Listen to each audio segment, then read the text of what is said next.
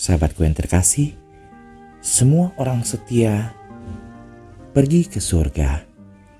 Selasa 2 November, bacaan Injil diambil dari Markus 15 ayat 33 sampai dengan 39, dilanjuti dengan bab 16 ayat 1 sampai dengan 6. Dan ketika jam ke-6 telah tiba, kegelapan menyelimuti seluruh negeri itu sampai jam ke-9.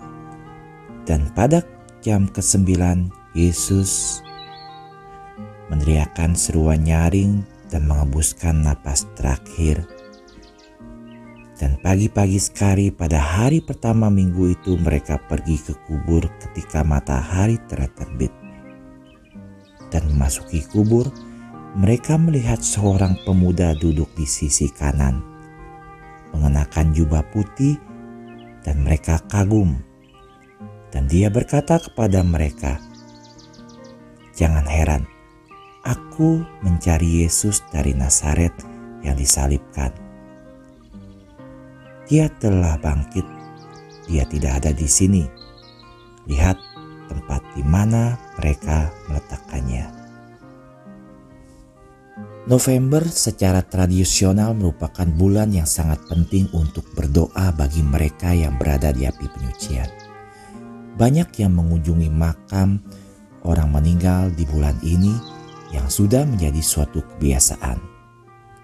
Sahabat, jika Anda melihat seorang anak laki-laki terbawa arus sungai dan tenggelam, dan Anda bisa menyelamatkannya hanya dengan mengulurkan tangan Anda dan merahinya,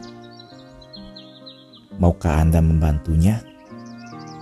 Jika Anda membantunya, pastilah selama dia hidup, dia akan selalu mengingat apa yang telah Anda lakukan untuknya anda dapat yakin bahwa Dia akan selalu dengan senang hati membantu Anda dengan cara apa pun yang Dia bisa.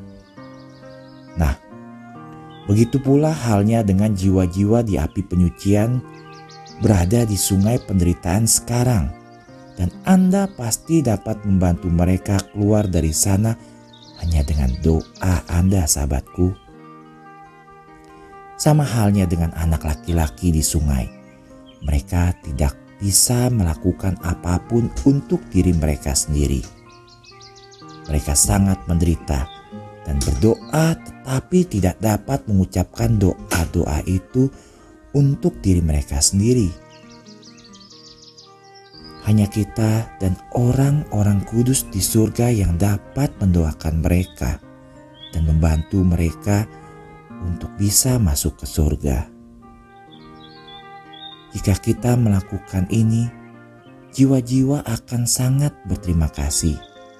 Mereka akan mengingat selamanya bahwa doa kitalah yang membantu mereka masuk surga.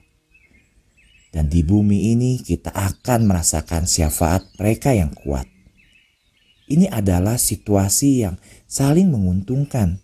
Kita berdoa untuk mereka dan mereka berdoa untuk kita.